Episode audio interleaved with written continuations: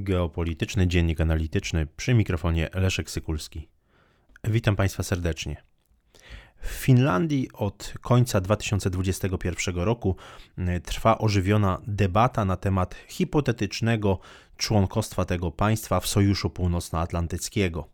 Jest to oczywiście związane z sytuacją geostrategiczną e, w Europie, no a także tymi żądaniami rosyjskimi związanymi z nowym traktatem bezpieczeństwa w Europie, który strona rosyjska przedstawiła 17 grudnia 2021 roku. Bardzo ważnymi głosami w tej debacie były noworoczne przemówienia prezydenta Sauliego Ninisto i pani premier Sany Marin. Fińscy politycy podkreślili, że ich kraj ma prawo ubiegać się o członkostwo w NATO.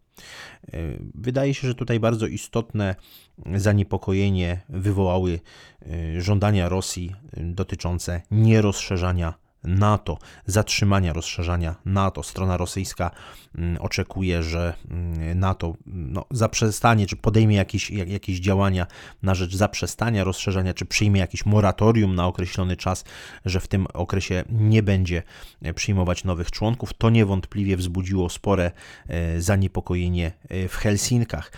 Tym bardziej, że mm, taka sytuacja, w której Sojusz Północnoatlantycki mógłby przyjąć takie moratorium na przyjmowanie nowych członków, czy też na przykład wycofać swoje bazy z Europy Środkowo-Wschodniej, czy też y, porozumieć się z Rosją o nierozmieszczeniu tak zwanej broni uderzeniowej, ofensywnej, a właściwie takiej broni, y, za jaką Rosja uznałaby właśnie, czy, czy nadałaby taką kategorię takiej broni, no niewątpliwie podważyłoby to dotychczasową politykę bezpieczeństwa e, Finlandii w dosyć istotny sposób ograniczyłoby pole manewru, taką elastyczną politykę bezpieczeństwa, jaką prowadzą Helsinki już od dłuższego, od dłuższego czasu.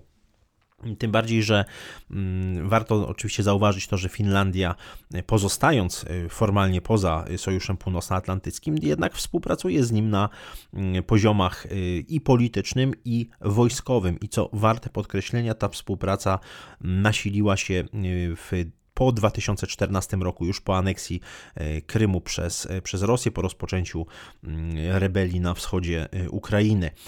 Warto także zauważyć, że kontyngent fiński, niewielki, ale jednak uczestniczył w operacjach wojskowych NATO, zarówno na Bałkanach, jak i w, w Afganistanie, a także Finlandia wydzieliła pododdziały do sił odpowiedzi NATO. Wojsko fińskie bierze udział, siły zbrojne Finlandii biorą udział w, w ćwiczeniach Sojuszu Północnoatlantyckiego. Jest także opracowany i wdrożony system wymiany informacji mm, z Sojuszem Północnoatlantyckim, jeśli chodzi o e, kwestie zagrożeń w przestrzeni e, powietrznej. Co ciekawe, Finlandia ma także mm, zawarte z NATO porozumienie o HNS, czyli Host Nation Support, e, wsparciu państwa gospodarza, które, która stwarza możliwości wykorzystania fińskiego terytorium przez siły natowskie. No, oczywiście, jeżeli zajdzie taka, mm, jeżeli zaszłaby taka hipotetyczna oczywiście potrzeba. Z punktu widzenia czysto wojskowego nie byłoby żadnych przeszkód dla przyjęcia Finlandii w NATO. No tak jak już powiedziałem, te y, umowy wiążące mm, ten kraj z Sojuszem Północnoatlantyckim są całkiem y, silne, a mm, fińskie siły zbrojne wdrażają standardy, standardy natowskie. Co warte podkreślenia, Mm, także jeżeli chodzi o wydatki na obronność, one znacznie w Finlandii e, wzrosły, mm, zwłaszcza w związku z zakupem 64 4 samolotów F-35. Natomiast w mojej opinii mm, w najbliższym czasie Finlandia nie będzie się ubiegała o członkostwo w NATO.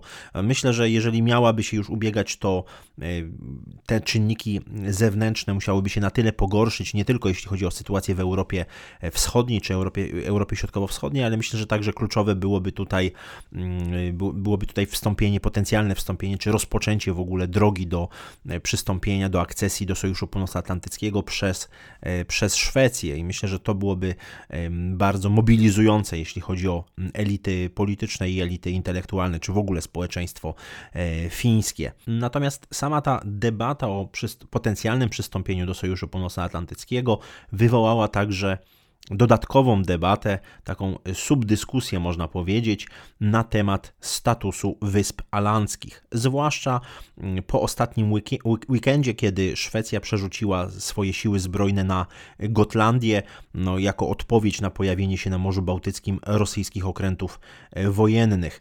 E, w Finlandii obserwujemy obecnie dyskusję na temat mm, statusu Wysp Alandzkich, chociaż oczywiście niewiele wskazuje na to, aby w najbliższym czasie miała się ta, miał się ten status zmienić. Jednak samo zainicjowanie tej debaty jest już ciekawe z punktu widzenia geostrategicznego.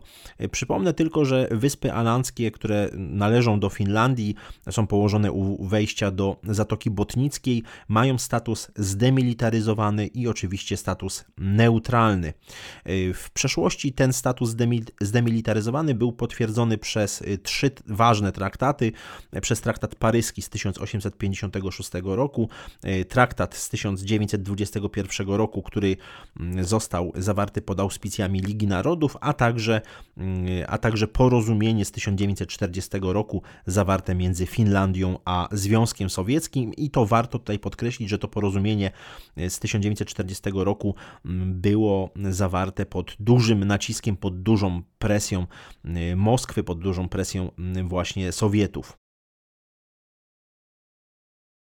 Na obecną debatę w Finlandii na temat statusu Wysp Alanskich niewątpliwie wpływ ma nie tylko przerzucenie szwedzkich sił zbrojnych na Gotlandię, ale także, ale także odkrycie przez szwedzki i fiński wywiad wojskowy, że Rosja posiada w obwodzie kaliningradzkim brygadę spadochronową, brygadę powietrzno-desantową, która byłaby potencjalnie zdolna do uderzenia na Gotlandię, a także zajęcia wysp, E, przynajmniej części wysp, e, wysp alanskich, tych bardziej istotnych z punktu widzenia e, strategicznego. No tutaj warto wspomnieć, że wyspy alanskie to archipelag, to nie tylko jednostka administracyjna Finlandii, ale to jest archipelag liczący 600 6757 wysp.